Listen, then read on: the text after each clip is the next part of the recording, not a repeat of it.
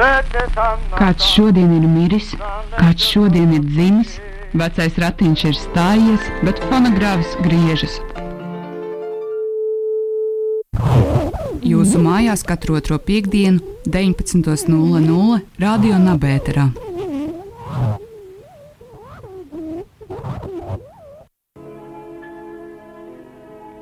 Я не провожу проповеди, я знаю. Просто сейчас вы в таком состоянии, сейчас как магнитофоны. И все, что я говорю, оно где-то записывается и программируется. И вы ответите, ответите четкой реакцией. Tur vajag nolasīt. Nolasiet, un uzrakstiet. ja? 151 gadu atpakaļ, 22. aprīlī, pēc jaunā stila, 1870. gadā piedzima Uljānovs Vladimirs Iļiečs, kurš izauga par darbu, darba tautas lielo aizstāvi Vladimiru Iļiču Ļeņinu un kļuva par pasaules proletariātu vadoni, pirmās pasaulē padomju valsts vadoni un Kārļa Marksa un Friedricha Engelsa ideju turpinātāji. Jā, un godamais 22. aprīlis Dižana Ļeņina dzimšanas dienā. Tagad aprīt 151 gads, 22. būs. Kopš dzīvības Dižanais vadoņas Vladimir Ilīčs Ļeņins. Labvakar, radio klausītāji! Ar jums kopā ēterā raidījums fonogrāfs. Un studijā ir Ainārs Moliņš, Andrēs Balodis un Andris Hiršs. Nu, varbūt arī vēl kāds, bet uh, labs vakars jūs mājās šajā 23. aprīļa pievakarē. Pēcsvinību vakarā. Un uh, šodien mēs esam sapulcējušies studijā, lai parunātu par uh, 22. aprīlī dzimušo gaviļnieku, arī ar Rīgu nedaudz saistīto Vladimiru Iļiču Ļeņinu. Jāpiezīmē, ka 22. aprīlī ir dzimis arī Imants Kants, bet tā kā par Imants Kantu mēs esam runājuši gana daudz, turklāt viņš nav bijis Rīgā un viņam nav savs memoriālais dzīvoklis. Uh, tad šodien parunāsim par Ļeņinu. Raidījuma ievadā jūs, starp citu, dzirdējāt uh, mūsu kolēģa, nu, tu, tuva drauga Aināra Kamoliņa eh, nolasīto informāciju no Sarka- aģitācijas plakātiem. Sarkanās stūrīšas, kas Jā, bija uztaisīts. kas ir izvietots šajā Leņķina muzejā. Es pieļauju, ka ļoti daudz, varbūt arī radio klausītāji, tā skaitā arī es līdz, līdz eh, šai nedēļai, man nebija priekšstata, ka eh, šāds dzīvoklis atrodas Rīgā Cēsu ielā 17. Turklāt arī mēs varam teikt, ka tur arī ir viesnīca, ja, kas saucās Leņķina apartamenti. Ja kādam gribās izbaudīt eh, tādu vēsturisku šarmu, tad var tur pavadīt nakti. Jā, man liekas, tā, tā vieta varētu mazliet piestrādāt pie mārketinga. Jo arī mums nebija skaidrs, vai tā vieta ir vaļā vai nav vaļā, vai tur var tikt iekšā vai nevar tikt iekšā, bet izrādās, ka Tur nav visi- par muzeju, nevis par uh, apartamentiem. Jā, bet tur jau tomēr viss kā vienā, nu, tā tad, nu, kaut kādā nozīmē, vai ne? Jo saprotu, tomēr gan, gan, gan tas, nu, hostels, laikam tā to var nosaukt, un tas muzejs tur ir ļoti savstarpēji savijušies. Jā, bet kā no otras Nav puses, hostels, tas ir hotels. Tur- Hotels atvainojos, jā. jā, bet kā no otras puses, cik var saprast, tad uh, vietējā kreiso subkultūra zina, kur šāds dzīvoklis atrodas, un regulāri viesojas tur un regulāri tā kā, Rīkos Iz- svinības. rīko svinības un izrāda cieņu pret revolūcijas tēvu. Jā, līdz ar to mēs šodien raidījumā ā, mazliet apskatīsim, reportēsim no šīs vietas, kā tur izskatās, ā, kādu priekšstatu ā, tur var gūt par Leņķinu gaitām Rīgā. Parunāsim arī par šo notikumu. Jā, 1900. gadā pavasarī Leņķins viesojās Rīgā uz kādu īsu brīdi. Mēģināsim saprast, ko viņš šeit darīja. Un ā, ko mēs vēl šodien raidījumā darīsim? Nu, mēs pievērsīsimies atsevišķiem elementiem, kā piemēram gultiņai. Uh, es saprotu arī, ka uh, būs arī dažādas teorijas par to, vai Leņķins šeit īsti tad Rīgā ir bijis, nav bijis. Un kurš no Jā. kas notika ar uh, ļeņiem pēc tā teikt, revolūcijas? Jā, iespējams, ka bija vairāk ļeņini. vai ne? Tā arī viena no versijām. Igauņu versija. Um, arī Igauniem ir savi vēsturiskie fantasti. Par to jūs arī šodien uh, raidījumā dzirdēsiet. Bet tas viss notiks pēc nelielas pauzes, un, un uh, jāpiesaka arī tas, ka šodien īpaši mūsu raidījumu pieskatīs arī mūsu draugs, morālais kalnietis. Kad vērtības zūd un viss brūk, Nāk morālais kalnietis.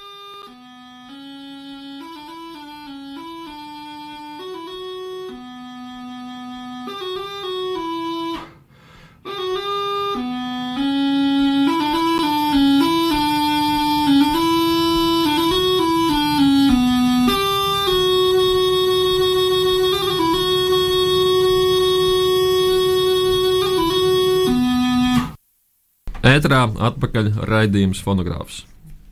Un es domāju, varbūt mēs varam nosaukt telefonu numuru studijā, bet tātad kāds būtu tas, tas varbūt kaut kādi jautājumi, komentāri attiecībā uz uh, Leņķina vizīti Rīgā vai Jā, nu, es domāju, ka šodien mums nav speciāla konkursa jautājuma, bet uh, uh, varbūt, ja uh, kādam radioklausītājam ra rodas uh, kādas neskaidrības par Leņķina vizīti Rīgā, viņš var šīs neskaidrības arī paust uh, ēterā. Mēs centīsimies atbildēt. vai dusmas par Leņķina vizīti Rīgā. Dusmas, jā. Vai dusmas par to, ka Leņķina vizīte Rīgā tiek atspoguļota sabiedriskajos mēdījos šobrīd? Vai, Dzējoļu, dzējoļu pa Ļeņinu. jā, vai, kāda, vai kāds vēlās noskaidrot kādu dzējoli vai dziesmu par Leņķinu? Jebkurā gadījumā šīs rai, raidījuma tēmas ietvaros mēs gaidām arī zvanītājus. Jā, tā tad kā parasti raidījums fonogrāfs skan tieši ētrā, tā kā droši var zvanīt. Telefona numurs studijā mums ir 6, 7, 2, 2, 9, 9, 8, 6. Tātad 6, 7, 2, 2, 9, 9, 8, 6. Um, jā, tā tad um, es domāju, vajadzētu raidījumu sākt ar uh, atskatu uz vēsturiskiem notikumiem. Proti, kad, kāpēc Leņķins viesojās Rīgā, kādas liecības par to mums ir saglabājušās, mm, ko viņš šeit darīja, ko viņš šeit satika un kā tas mainīja vēstures gaitu, varbūt kā tas ietekmēja arī revolūciju.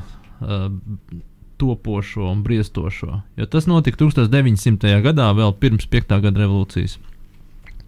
Jā, nu, droši vien tur būtu jāstāsta arī plašākā, varbūt Leņķina biogrāfijas kontekstā, bet šajā gadījumā es vēl vairāk skatos uz uh, biedru Aināru, kurš ir ieracies šobrīd grāmatās un negrib ar mums uh, iesaistīties. Negribas, negrib piedalīties raidījumā. Kaut kāda Aināram iemesla tik dēļ. daudz grāmatas līdz ar to izdomājis palasīt. Jā, tad, tad eh, kāpēc viņš šeit ieradās? Ja, tas ir Nē, viens, es domāju, mums un- vajadzētu to bio, biogrāfiju ieskicēt. Jā. Es pieļauju, ka uh, mūsdienās jaunatnē nu, vairs viņiem nestāst katru, katru mācību gadu. Leņķins piedzima tur un tur. Un, uh, mācījās skolā un uh, tā tālāk. Ne, mēs varētu apmēram nojaust to laiku, kad viņš piedzima, kad viņš dzīvoja. Ne, eh, kas man eh, vairāk pārsteidz attiecībā uz Ļeņinu, ir tas, ka parasti mēs piemirstam, eh, cik viņš bija relatīvi jauns īstenībā, kad viņš visu to darīja. Jo 17 gadu vecumā tiek nogalināts, nevis nogalināts, tiek sūdīts ar nāvi viņa brālis par piedalīšanos it kā sazvērstībā pret cāru. Bet uh, pēc tam jau viņš, viņš principā ir vidusšķiras pārstāvis. Tur mācīja skolotāja tēvs īrēdnis, kaut kas tāds bija. Un uh, faktiski viņš pievēršas ļoti dīvainam uh, tādam mikslim, ja mēs domājam tādā filozofiskā nozīmē, kurā viņš mēģina salikt kopā absolūti, absolūti radikālu uh, materiālismu kopā ar uh, Marksu. Jo Marks jau nu, arī nosacīti nebija tik radikāls arī uh, materiālists vai kaut kas tamlīdzīgs. Un, un viņš mēģina uz tā pamata uh, izveidot arī savu noteikto sistēmu, bet tas viņam bija vēlākajos gados. Līdz šim 900. gadam viņam vairāk interesēja šie politiskie jautājumi. Primāri tomēr agrāra reformas un tam līdzīgi. Protams, viņš uh, šķiet, ka iesākumā viņš cerēja, ka būs iespējams reformēt kā Krieviju kā valsti pašu. Bez kaut kādas obligāti revolūcijas kā klātbūtnes, tāds proletārisks, man tā šķiet. Nu, lūk, un tad, protams, pamazām viņš radikalizējas. Viņu kā tādu šo aktīvistu izsūta uz Sibīriju uz vairākiem gadiem, un Natālija Krupskaja uh, revolūcijas vārdā. Natālija. Oi, Naģežda, ne? Naģežda. Natālija, Naģežda, viss viens. es domāju par Natāliju. Bija jānāk par Naģeždu. Nu, lūk. Sveiciens Natālijai. Bet... Jā, jā, jā. Nu, tad Krupskaja uh, arī tiek uh, noteikti izsūtīta, bet, lai viņi būtu kopā, tad uh, viņi pasaka, nu, tīpa, ja, ja jūs kā precēties, tad viņi var dzīvot kā kopīgi šajā izsūtījumā, līdzīgi kā Rainis, starp citu. Uh, Tā kā viņš nenāk, man liekas, kāpēc Aspāzija nebrauca līdzi, es pat īsti neatceros. Vai no Aspāzija negribēja, vai arī neprecēja, vai arī viņai bija Rīgā jāpērk tās celtiskās vanniņas. Es nevarēju saprast īsti šo. Uh, šo secību. Nu, lūk. Kriev, Krievijas sievietes, latviešu sievietes. Varbūt tur ir kaut kāda tāda atšķirība. Jā, bet vienīgi tur ir neskaidrs, cik ļoti bija tas kā, revolucionāra kopdzīve, cik ļoti tā bija tāda emocionāla kopdzīve. Uh, un ir versijas, tomēr, ka nu, drīzāk jau tomēr revolucionāra kopdzīve tā bija. Nu, lūk. Un tad, uh, pavadot uh, vairākus gadus Sibīrijā, kas faktiski nozīmē, dzīvo vienā pilsētiņā un var aizbraukt varbūt uz blakus pilsētiņām, tev ir atļauts strādāt, bet principā tu esi vienkārši prom no acīm visiem. Tas principā ir izsūtījuma mērķis tajos laikos. À, viņš brauc atpakaļ uz. Viņš brauc no Sibīrijas principā uz Rietumu Eiropu, primāri Šveici, kur viņš gribēja satikties ar tā laika izcilāko Rietumu Eiropas kreiso marksistu Plehānovu bet par to nedaudz vēlāk. Lūk, un pa ceļam no Sibīrijas šo rietumu Eiropu viņš tieks vairākās pilsētās, ja nemaldos, Ufā, Plaskavā, varbūt Sverdlovskā, es tagad īsti neatceros, ar vietējiem sociāldemokrātiem, lai organizētu, lai organizētu šo kustību. Un Beig beigās viņš nokļūst uh, Plaskavā, un šeit sākas nelielas neskaidrības. Proti, ka it kā vietējie sociāldemokrāti aicina uh, Ļeņinu ierasties Rīgā, uh, bet kā viņš Plaskavā joprojām kā šis aktīvists ir zem uzraudzības, nozīmē, ka viņam tas jādara pirmkārt slepeni, un otrām kārtām pēc iespējas nemanāmāk un ātri. Jā, es, es arī varbūt te papildināšu. Man šķiet, ka tā, viņa, viņam bija atļauts uzturēties tajā rietumu vai Eiropas daļā, Krievijā, vienu brīdi. Tieši Plaskavā viņš varēja uzturēties, jo tā nav liela pilsēta, tur nav kā, pietiekami daudz strādnieku, studentu. Un, uh, tāpēc viņš uzturās Plaskavā. Es sapratu, ka tā vizīte uz Rīgu ir tāda tā kā konspirācijas nolūkos ar, ar mērķi dibināt kaut kādus kontaktus, ar plāniem jau doties uz uh, Eiropu, uz rietumiem. Jā, nē, nu šī, jā, un izsākot, kā teikt, norganizēt šī, šis ātrais brauciens, uh, proti, ka Leņķins ātri atbrauc uz Rīgu, uh, ierodas Cēlā ielā 17, un tad no turienes dodas uz Zelzbetes ielas ielu 18, kas tagad ir 18, pirms tam bija 16, ja nemaldos. Uh, lai tiktos ar vietējiem sociāldemokrātiem, pirmkārt, lai apstītos, kāda ir sociāldemokrāta vietējā situācija šeit. Gatavības nu, pakāpe. Gatavības pakāpe, jā. Un saskaņā ar atmiņām, tad uh, viņš Ļeņķis tieši mēģināja norādīt, ka no vienas puses paša proletariāta gatavības pakāpe ir uh, ar to viss kārtībā, bet ar to organizāciju tomēr varēja būt labāk. Tas ir kā viens mērķis. Otrs mērķis atkal ir iemesls, kāpēc, uh, kāpēc viņš brauc uz Šveici tikties ar Plihānu, jo viņš grib uh, iesaistīt Plehānaus savas avīzes izskra izdošanā. Un savukārt viņš uzskatīja, ka Rīga varētu būt viens no tiem centriem, caur kur šo avīzi varētu arī tālāk izplatīt. Un tāpēc viņiem vajadzēja tikties ar vietējiem, lai saprastu, kā varētu šo avīzi revolucionāro. Tev liekas, Zainā, arī, arī lasot tās atmiņas, un tur ir parasti ne tikai attiecībā uz šo gadījumu, bet tā avīze izskrēja, jeb šo dzirksts tiek, tiek ļoti akcentēta. Teiksim, nu, tās mūsdienu perspektīvas skatoties, liekas mazliet varbūt eh, ne līdz galam saprotami.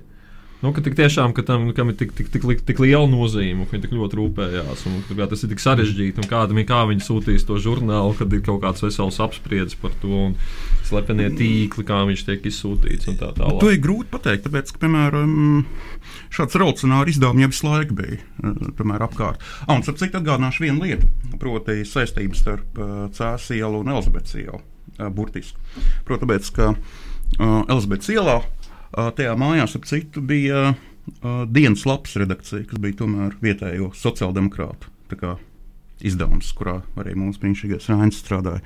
Un, kas ir interesanti, uh, kad uh, es biju Cēlā ielas tajā dzīvoklītī, uh, viena no retajām, ja nemaldos, uh, oriģinālajām lietām, kas tur bija palikusi, bija uh, avīžu ietvers, uz kuru bija izrakstīts tieši dienas lapas. Tas bija avīžu ietvers.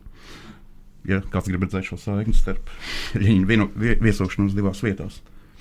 Jā, bet uh, jautājums par to ietekmi nu, grūti pateikt. Protams, vēl viens aspekts, jā, nekā 1900. gads līdz 5. gadam vēl, kāds gabaliņš, bet patiesībā no tā ļoti spēcīgs revolucionārs uzplaiksnījums jau ir tieši gadu iepriekš, 1899. gadā, vai ne? Notiek visādi jau masveida protesti, kur īpaši iesaistās studenti un tā tālāk. Tā revolucionārā gaisotne jau ir visai uzkarsēta arī, vai ne, tajā 1900. Jā, gadā. jā. Nē, nu, protams, tāpēc, ka nu, bija jau iemesls, kāpēc uh, Cāra varēja nomest. Jo, nu, godīgi sakot, lai arī viņš mēģināja kaut ko reformēt, tās reformas bija pārāk lēnas un pārāk nekādas. Jo, nu, burtiski tas, ka uh, nevarēja sakārtot normālu darba dienu, ja tur uh, un atalgojumu. Pieņemsim, vidējais darbs bija 11 stundas dienā. Vidēji. Un atalgojums bija, protams. Un tad, protams, uz šādu fonu ļoti labi var parādīties uh, dažādi veidi marksistiskās teorijas un par eksploatāciju un tam līdzīgi. Jau daudz visādi, nu, no studenta perspektīvas tajā laikā, teiksim, tāda prasība, nu, kad varētu ļaut arī sievietēm mācīties augstskolā. Tas tajā laikā Krievijas impērijā īsti nenotiek. Nu, tas gan ir. Arī varētu ļaut arī nu, ebreju izcelsmes cilvēkiem studēt, un tā tālāk. Tur ir ļoti daudz dažādu specifisku, savdabīgu aizliegumu. Mm -hmm. Jā, bet uh, ja teic, attiecībā par uh, pašu revolucionāro programmu, kas bija Ļeņinam, tad uh, viņš principā vērsās pret divām lietām. Jo tāpēc, nemieris var visādi uztaisīt. Uh, bet pirmkārt, viņš vērsās pret uh, lēnu uh, šo integrāciju nosacīt, ja tur caur kaut kādu parlamentāro sistēmu, tad mēs kaut ko lēni mainām. Jo viņš uzskata, ka šādi nevarētu sas sasniegt šos sociālistiskos mērķus. Uh, bet uh, šādi tikai vienkārši buržuāzija nosacīt, pārņemt šo ideoloģiju. Uh, un otrs, pret ko viņš vērsās, bija anarchisti, kreisie. Proti, tajā nozīmē, tāpēc, ka viņš uzteica, ka anarchistiem ne tikai nav priekšstats par to, ko darīt tālāk, proti, viņiem nav šīs nosacītas šīs pārvaldes vai organizācijas formas, bet tas, ka anarchists principā ir uh, tikai tāds, kas uh, veic šos vienreizējos pasākumus. Viņi nevar uztaisīt plašu pasākumu. Nav tāds plašs anarchistu valsts apsvērsums. Anarchisti var vienkārši rīkoties tikai lokāli. Bet runājot par to programmu, ko tu pieminēji, NRA, un varbūt vēl mazliet atgriežoties pie Leņķina jaunības, bērnības. Uh, Restīvi, nu, nu, kādā veidā tās, uh, viņš nonāk pie šīm marksismu idejām? Man liekas, ka pirmkārt arī, nu, kas ir marksisms tajā laikā? Nu, to ir ļoti, ļoti grūti pateikt, jo uh, pašiem krieviem ir diezgan plaši uh, kreiso tradīcija, ceļš anarchistu tradīcijas, starp citu. Tā ir viena lieta. Protams, ka viņš vienkārši lasa. Un, uh, es domāju, ka viņš, viņš arī mēģināja studēt jurisprudenci un tam līdzīgi. Un, tad, piemēram, uh, Marks uh, ekonomiskie uh, pieņemsim kapitāls, pirmā vieta, kur viņi tika izdota tulkojumā, bija, protams, Krievija. Attiecīgi, protams, prot, šī literatūra, protams, bija pieejama visur. Un kas ir ļoti interesanti, tas, ka Krievijā, uh, arī cik tas būtu paradoxāli, bet, uh, lai arī kāda būtu valsts pārvaldes forma, taču cenzūra bija, manuprāt, relatīvi liberāla. Jo arī pats Ļeņņņins varēja publicēties. Piemēram, uh, savus diezgan radikālos rakstus. Uh, tulkoja Marksu, Kautski. Principā bija pieejams diezgan plašs klāsts, un es domāju, ka proletariātam nebija grūti dabūt tādu literatūru. Jā, nu, skat, tādā ziņā tās represīvās metodas, lai arī viņas tik pa laikam uzplaiksnīja, var just, nu, ka viņas epizodes bija, bija ļoti vājas. Viņi nevarēja tikt galā ar kaut kādiem tur, protestiem. Un, arī daudz, kur, daudz, kur pieļāva kaut kādas lietas, kur bija šķiet, ka viņas, viņas, viņas pieļāva. Bet, bet joprojām, teiksim, tas jautājums Ainār, kā tad, eh, kā tad tieši viņš nonāk līdz, līdz uh, marksismam, kā, kā ideoloģijai, skatoties uz viņu varbūt, dzīves gājumu vai, vai biogrāfiju. Nē, es domāju, ka saskaņā ar tādām klasiskām biogrāfijām, ka viņu radikalizēja viņa brāļa nāve. un Tad viņš pievērsās šiem nosacīt radikālākām teorijām. Tā ir šī klasiskā Nu, jā, es vienkārši domājis par Leņķina izglītības. Uh, jurisprudence. nu, jā, jautājums, kurā vietā? Pēt, ah, Pēterburgā. Jā. Nu, līdz ar to, tad, nu, attiecīgi, es domāju, ka jā, tas bija gan uh, caur savu personisko pieredzi, jo it kā no ģimenes kā viņš bija nu, tāds vidusšķirs, nedaudz pārstāvs, zemākās vidusšķirs. Ja, bet, bet tas, īstenībā, tas ir periods, tas ir laiks, kad nu, Krievijas impērijā ļoti daudzi nu, no intelektuālās vidas uh, tā kā, aizraujās ar, ar uh, marksismu idejām. Jā, jā, jā, protams. Nē, no kāda no otras puses tev ir uh, šis, uh, nosacīt, šis mm, reliģiozā kustība arī ja, tur pankrievismē. Ja, es nezinu, tur viss Tolstoja Dostoevski, ja, kas tur mēģina tieši iet uh, uz šo pacifismu. Ir Dostoevskis bija vispār, nu, tā kā mēģina aprakstīt šo uh, anarchistu. Tā teikt, psiholoģisko tēlu, ja, kurš ir pilns ar šiem besēm un tam līdzīgi, ja tur nevar tikt sev galā un tā tālāk. Nu, tā kā, nu, lielās valstīs ir dažādi strāvojumi, grūti viss tā. Jā, bet vēl atgriežoties pie Leņķina vizītes Rīgā, uh, mums te izskanēja arī pirms raidījuma apspriežoties domu, vai tas bija Leņķins, kas ieradās Rīgā. Jā, ne, te ir divas lietas, kas ir jāpasaka. Pirmā lieta ir tāda, ka uh, par šo faktu, ka Leņķins ir bijis uh, Cēlā ielā 17, uh, vispār sāk interesēties pēc otrā pasaules kara. Un uh, tad, uh, pēc atmiņām, intervējot cilvēkus, tad noskaidrots Cēlā iela 17, 5. dzīvoklis, kurā viņš ir palicis. Bet nu, tāds kā šis jautājums arī paliek atklāts, vai cik lielā mērā tas ir vēsturisks fakts, un cik lielā mērā tas ir uh, tomēr vienkārši rekonstrukcija, vai arī tāda vēlme rekonstrukcija par to, ka Leņķins ir bijis. Varbūt tāda ir versija, ka tā ir tīra vēsturiskā fantāzija, ka viņš šeit ir bijis. Nu, līdzīgi kā, kā nu, cik daudz cilvēku ar ģeņģinu to baļķi ja, kopā nesuši. Tik, tik daudz pilsētās viņš ir bijis. Aptuveni, jā. Tas, tā ir viena versija. Jā, un otra lieta, ir, protams, ir jāatcerās, ka uh, mūsu kolēģi, Igaunijas vēsturiskie fantastiski, pirms 11 gadiem uh, uztaisīja filmu, kas saucās Visi mani ļeņķini. Uh, kur viens no šiem uzstādījumiem ir tas, ka vienā punktā īstais Leņķins nomirst un paliek seši dubultnieki, katrs ar savu politisko uzstādījumu. Ja? Tur vienam valsts elektrifikācija, otram baznīcas iznīcināšana un tā tālāk. Tā.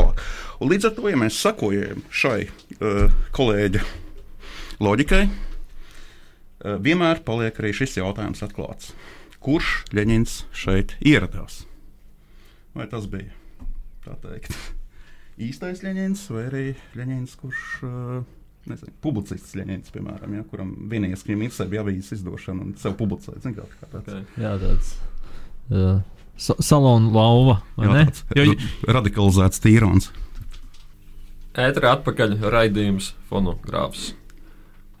Es domāju, mēs droši vien šīs daļas ietvaros noklausīsimies kādu ierakstu. Jā, mēs te ilgi reklamējam, ka mēs bijām šajā muzejā. Un, uh, Šiem, šim dzīvoklim uh, uh, sēdz pusē ir arī dārziņš, un mēs tur pasēdējām. Un, uh, Vispār jāatzīst, ka bija ļoti laipna uzņemšana.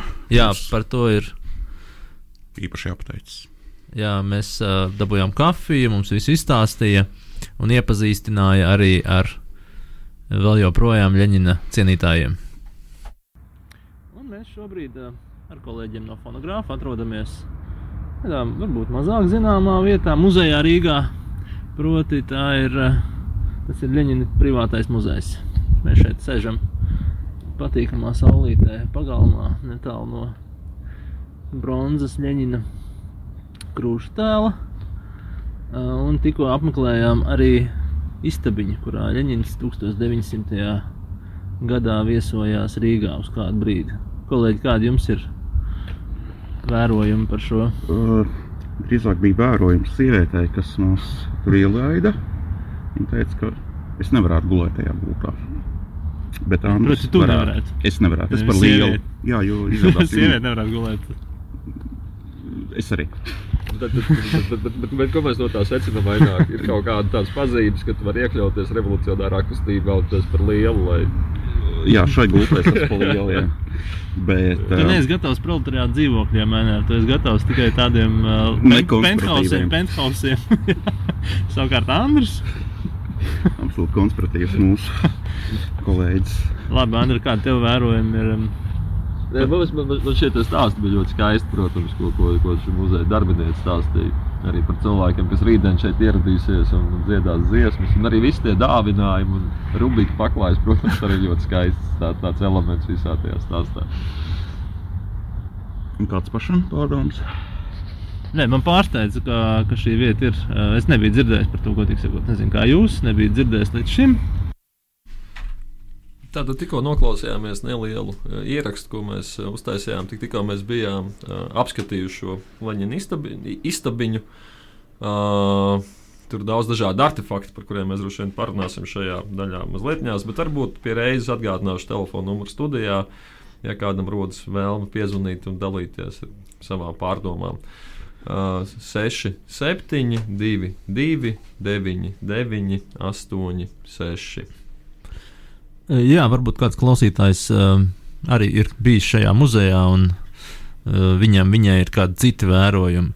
Bet šī vieta ir dzīva. Mēs to pieredzējām, ka šī vieta ir dzīva. Tā, tā, tā, tā ikgadēji pieredze uh, cilvēku pieplūdumu, ir arī turistu interese, kā mums teica saimniece. Jā, un arī, kas ir interesanti, un Ekas muzejs veidojies daļai tādā veidā, ka cilvēki vienkārši ir nesuši dažādas objektus, priekšmetus, vai ne, un tas muzejs tur viņus ir. Uh, iz, izrāda tā, Jā, nu, apmeklētāji. Tur, protams, nozīmītas vāzes ar Leņinu.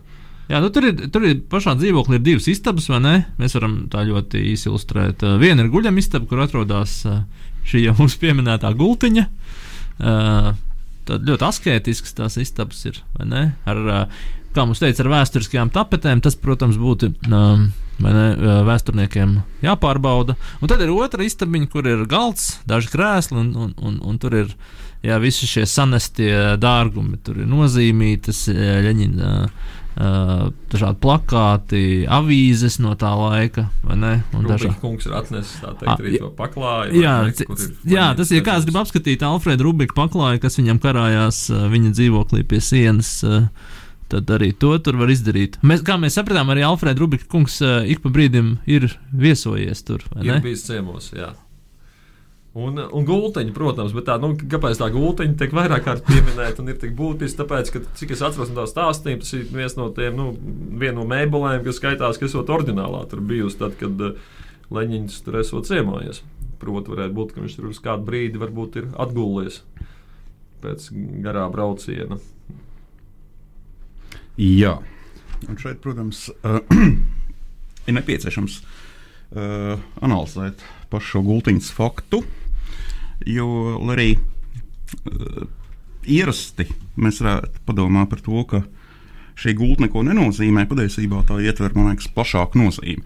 Uh, ar, ko es to gribēju teikt? Ar to, ka ir nepieciešams šādas gultiņas analizēt no mēbeļu filozofijas kā, perspektīvas. Un uh, viens no ja mēs tā skatāmies par to, kas ir mēbeļu filozofija, tad uh, mēbeļu filozofija, protams, ir, kad filozofi mēģina domāt par mēbelēm. Un viens no šādiem izcilākajiem domātājiem, kas domāja par mēbelēm, ir Walters Benjamins. Un viņš uzskatīja primāri par to, ka uh, mēbeles, kā mēs viņus izprotam 19. gadsimtā, proti, līdz viņa ierašanai, principā ir jāskatās kā šo buržuāzisku uh, nosacīt šo izkārtojumu, kurā pašai buržai atstāja dažādu veidu pēdas. Tas ir iemesls, kāpēc es viņu ar Beņeminu.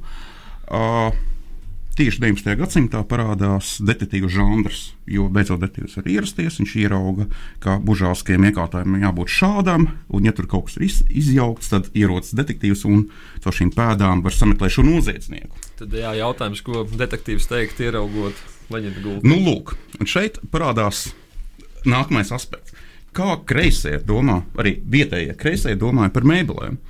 Jo viens no uh, radikālākajiem kreisajiem uh, Latvijā uh, uzraksta darbu, kas saucās Mēbelīgā Rīga. Proti, ar uh, Linnētas laicēns. Uh, un uh, laicēns ar mēbelīgumu tieši apzīmē uh, nosacīt šo buržāzko uzstādījumu. Proti, ka uh, šie paši objekti tiek padarīti par uh, fetišu objektiem. Proti, ka pats iekārtojums tiek padarīts par fetišu objektu, kas, protams, saskaņojas ar Marksu un tā tālāk. Un kas ir interesanti, tad no privātām kā, ziņām vai vēstulēm uh, ir skaidrs, ka Ļeņinam ārkārtīgi nepatīk polstrēti šie uh, priekšmeti. Uh, ko tas nozīmē? Primāri, mēs varētu domāt, viņš ir pret ērtībām. Numur divi nozīmē, ka viņš ir pret šīm buržāskajām pēdām. Protams, viņš jau ir konspiratīvs, protams, viņš neatstāja savu ķermeņa nospiedumu nekur. Numur divi. Attiecībā uz pašu gultiņu. Par, uh, pašu gulti, par pašu gulti mēs iedomājamies tīri no šī filozofiskā aspekta. Man liekas, viens no tiem, kas par, domāja par gultām visvairāk, bija uh, Žoržs Pereks. Tiesa, viņš ir rakstnieks, bet viņš gultas izprata filozofiskā nozīmē. Proti, ka gulta ir nos- nosacīta kā monādas reprezentācija. Proti, tajā nozīmē, ka uh, viņš mēģina aprakstīt, ka mēs ieguļamies šajā gultā. Mēs nosacīti, esot šajā gultā, apsegušies un tā tālāk, vērojot visu šīs krokas, uh, segā un tā tālāk. Uh, Bērns vienkārši redz, ka tā ir uh, nosacīta šī vesela viņa pasaule. Proti, ka pati gulta var kļūt par šo monādi. Nosacīta. Proti, visas pasaules atspoguļojumu, proti, kā viņš var kā projicēt visus savus iztēles un tā tālāk. Un tad, tātad, ja mēs paņemam šo monētas aspektu un gultas aspektu, nopietni skatoties uz uh, ģeņģa gultiņu Rīgā, tas nozīmē ko?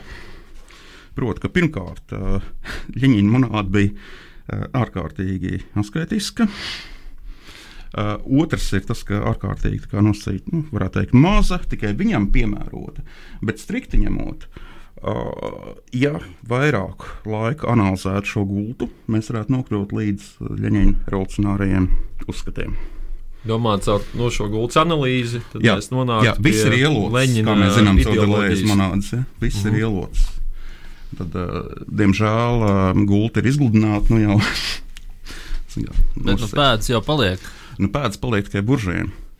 Tāpēc ir pēc definīcijas tas konspiratīvais dzīvoklis. Tur nepaliek pēdas. Tur paliek ielots. Tas ir liels nošķīrums. Uh, jā, es nepamanīju, kāds, kāda bija tas matracis tajā gultā. Droši vien, ka Uh, viņš bija nomainīts. pašu Leņķinu. Tur bija nu, īstenībā, kas arī ļoti, īstenībā es domāju, ļoti adekvāti. Proti, ka uz Leņķina gultiņas ir uzlikts tā kā šis Leņķina portrets.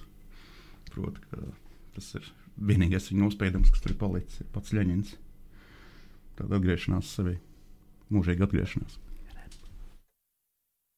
Radio monetoloģija, 56. paragrāfs. Taču šī saistība un šī visu radīto lietu pielāgotība jebkurai un ikvienas radītās lietas pielāgotība visām pārējām panāk, ka ikvienai vienkāršajai substancei ir attiecības, kas izpauž visas citas, un līdz ar to tā ir nepārtraukti dzīvojošs universa spogulis. Jā, to Leņķins saprata, atrodoties Rīgā, un par to viņš rakstīja Fojē savā vēstulē.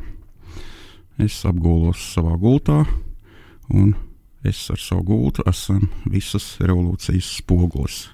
Tikai šis spogulis, diemžēl, ir greizs.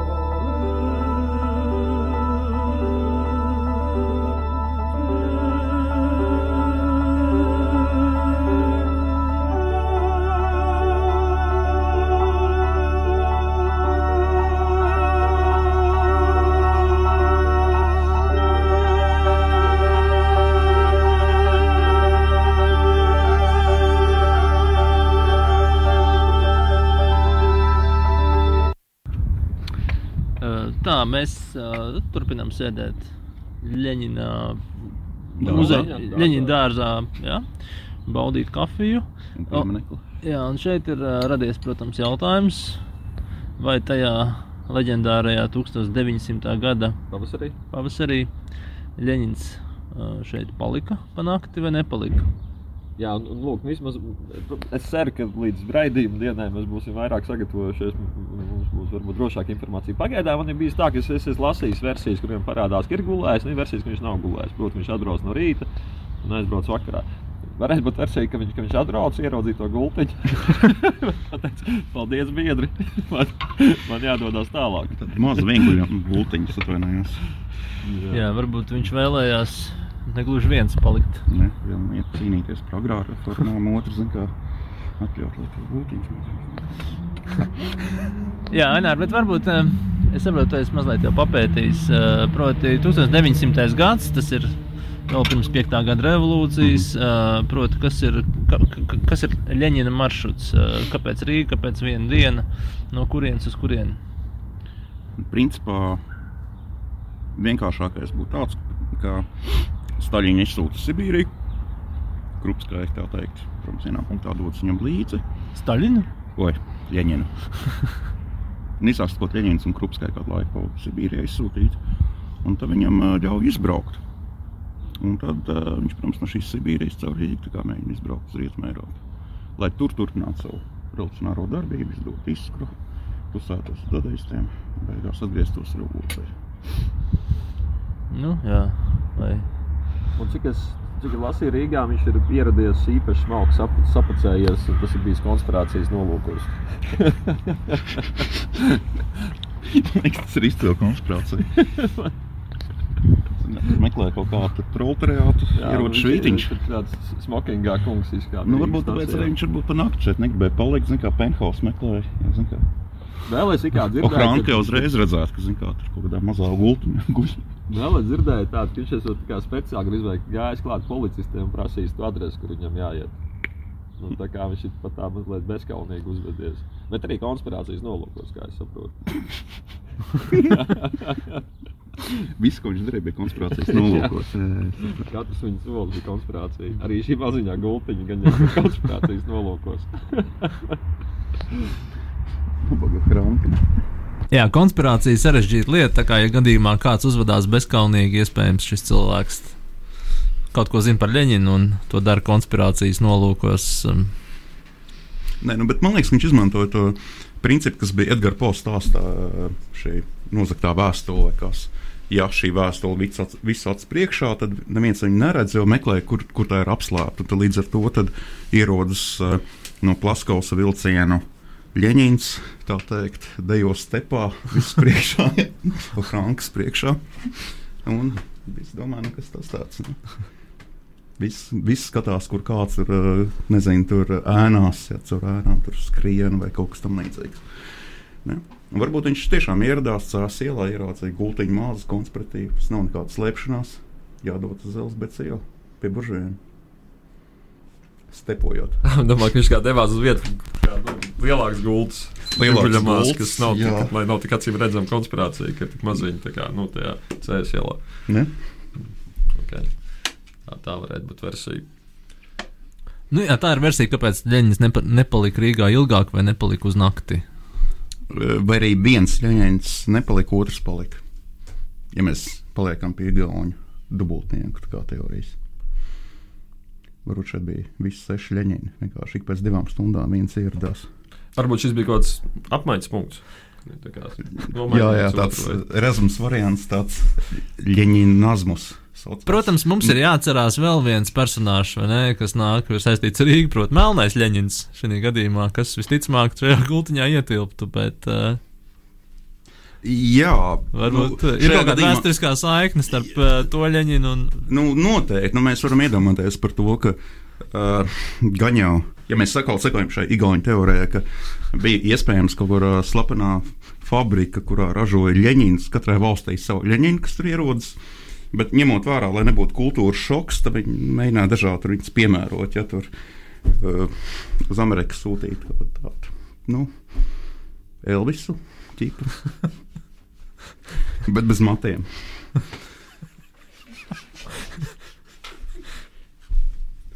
nu, jā, un tad, eh, attiec, Un tad es pieļauju, ka bija arī citiem kontinentiem speciāli pielāgota leņķina. Jā, jā, jā. Nu, galvenais ir izvairīties no kultūras šoka, lai zinātu, nevis skaties to otru kā uz uh, nu, tādu brīnumu, bet lai uztvertu to vēstu, tad jābūt nu, tādai tuvībai nelielai.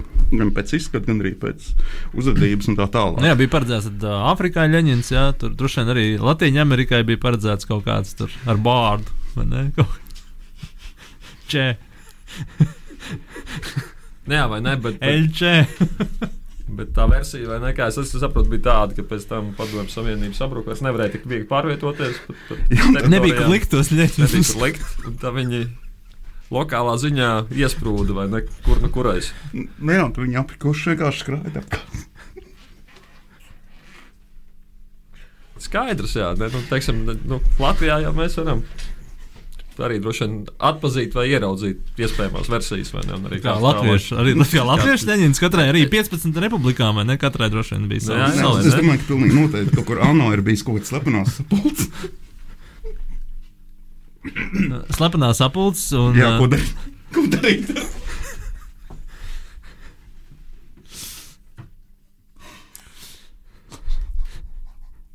Nu, jā, es domāju, ka šis jautājums ir uh, atvērts un um, tas ir jāpēta tālāk. Ko darīt ar, ar leņķiniem? Jo jautājumu, ko darīt ar leņķinekļiem, vai ne? Šis jautājums ir diezgan labi atrisināts, ko darīt ar leņķinekļiem, bet uh, ko darīt ar leņķiniem? Jā, nu tā ir pieminekļa, man ne, laikam, kā es, laikam, uz Lietuvu viņas ir aizvest, cik es atceros, un tur ir kaut kāds parks, laikam, kas, kas, kas ir iekārtots. Nē, jebkurā gadījumā, bet Cāsīlā 17 ir vienīgais publiskais. Nevis publiskais, bet uh, no oriģinālās vietas palikušais. Jā, jo- viņš ir nosīt publisks, vai ne, jo, lai viņi ieraudzītu, jātiek iekšā pagalmā. Un, es nu, skatījos, jā. skatījos vecas, vecas uh, avīzes, nu, protams, no 50, 60 gadiem, un tur bija tieši tas pats piemineklis, ja nemaldos. Jā, es arī saprotu, skatījos. Jā, nu, man arī- piemineklis, bet galva. Man arī Precīzi. interesē, vai tā māja ir tā pati. Tik tiešām, jo padomju gados vai ne, tur bija tomēr muzejs iekārtots tās lielāks. Tagad tā ir viena istabiņa. Nu, tik tiešām, nu, tā māja ir tā pati, tas ir skaidrs. Nē, nē, nu, tas bija muzejs, kas apkalpo šo vienu istabu. Tajā nozīmē. Mm.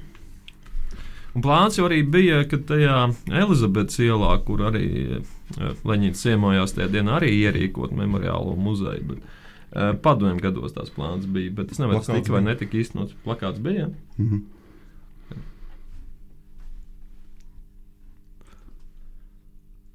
Bet, uh, nu, uh, ja kādam interesē, tad cilvēks, kas iet pa cāsu ielu, viņš joprojām var redzēt šo uzrakstu, ka Ļeņņņins tur ir bijis šajā cāsu 17.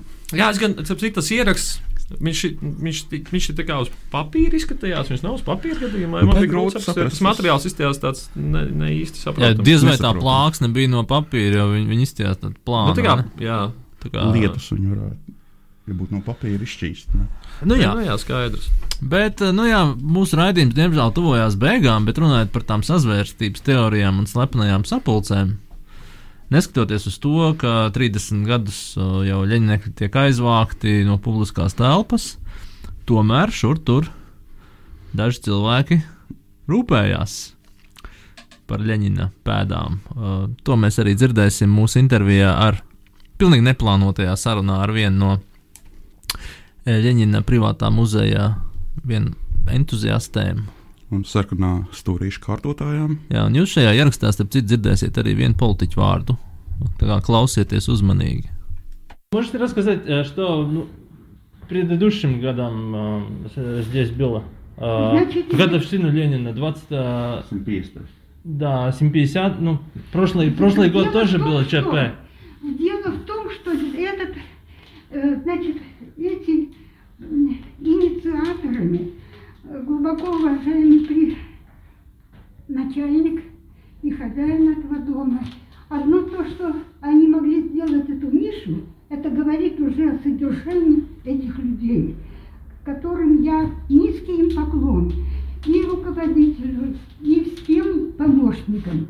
Поэтому низкий поклон им за то, что они сохраняют имя, память о Владимире Ильиче Ленине.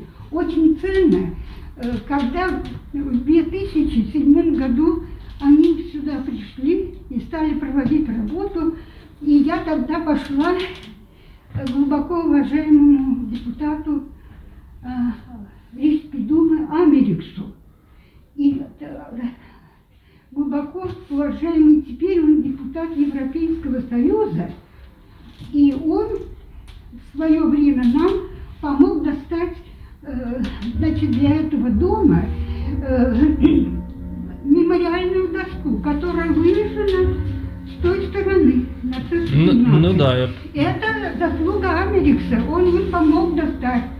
Э, Он проводил мероприятия, а я им дала визитную карточку и сказала, что вот такой-то музей будет, и, пожалуйста, помогите им. И он сделал это не ради меня, ради Владимира Ильича Ленина. Потому что Ленин, он служил рабочему классу, тем, кто создает все то, что есть на свете передовой и хорошее. И дал нам возможность учиться, учиться и учиться. Jā, mēs atvainojamies uh, klausītājiem, bet uh, šis ieraksts izskanēja Krievijas valodā. Uh, Ne, nevarēsim iztulkot visu, bet uh, nu, es domāju, galveno domu jūs sapratāt. Bet uh, nu, šī sieviete, kas rūpējās par šo memoriālo muzeju, mums pastāstīja par to, kā viņa ir iegūst dažādus priekšmetus, tā skaitā šo plāksni, par ko mēs jau runājām iepriekš. Un uh, uh, 2007. gadā, kā varēja saprast, viņa uzrunāja toreizējo Rīgas domas deputātu Andriju Ameriku, vicemēru uh, Andriju Ameriku, un Amerikas uh, sagādāja šo plāksni. Un, uh, Viņas prātā Amerikas to darīja nevis uh, viņas dēļ, vai, vai, vai Rīgas dēļ, bet Leņķina dēļ. Un tagad uh, tas nāk par labu visai darba šķirai un, uh, un nāk par labu visiem. Pārsteidzoši, grib saskaņā ar Leņķina slavenāko izteicienu mācīties, mācīties, mācīties. Jā, tas beidzās ar šo. Tā kā mēs redzam, ka uh, biedrs, biedrs Amerikas ir nokļuvis šobrīd arī Eiropas parlamentā, šķiet, jā, līdz ar to Leņķina vārds tur iet, iet tālāk, vai ne? Viņš iet tālāk, kura atgriežas uz. Jā, jautājums, kur Leņķina? Tas, ir, tas īstenībā ir jautājums, vai ne? Kurš Leņķins tiek bīdīts īstenībā šobrīd? Uz šī, šī uh, jautājuma zīmes, es domāju, mēs varam ar noslēgt raidījumu. Ne? Andrija, tev ir vēl kāds papildinājums. Nē, es vienkārši domāju, ka mēs varam arī pieteikt nākamo raidījumu. Laikam jau, Laikam Pagaid- jau nevaram. Laikam jau nevaram īstenībā. Nākamais raidījums vēl pārdomās. Nākamais raidījums vēl top. Jā. Jā, aprīlis beidzās. Jā, aprīlis vispār ir tāds revolucionārs mēnesis. Jo aprīļa tēzes arī var, var protams, Leņķina aprīļa tēzes var pastudēt, kāds, kuram interesē 17. gada notikumi, bet uh, tuvojās maijs, un maijā mēs parasti pievēršamies arī vēsturiskām norisēm.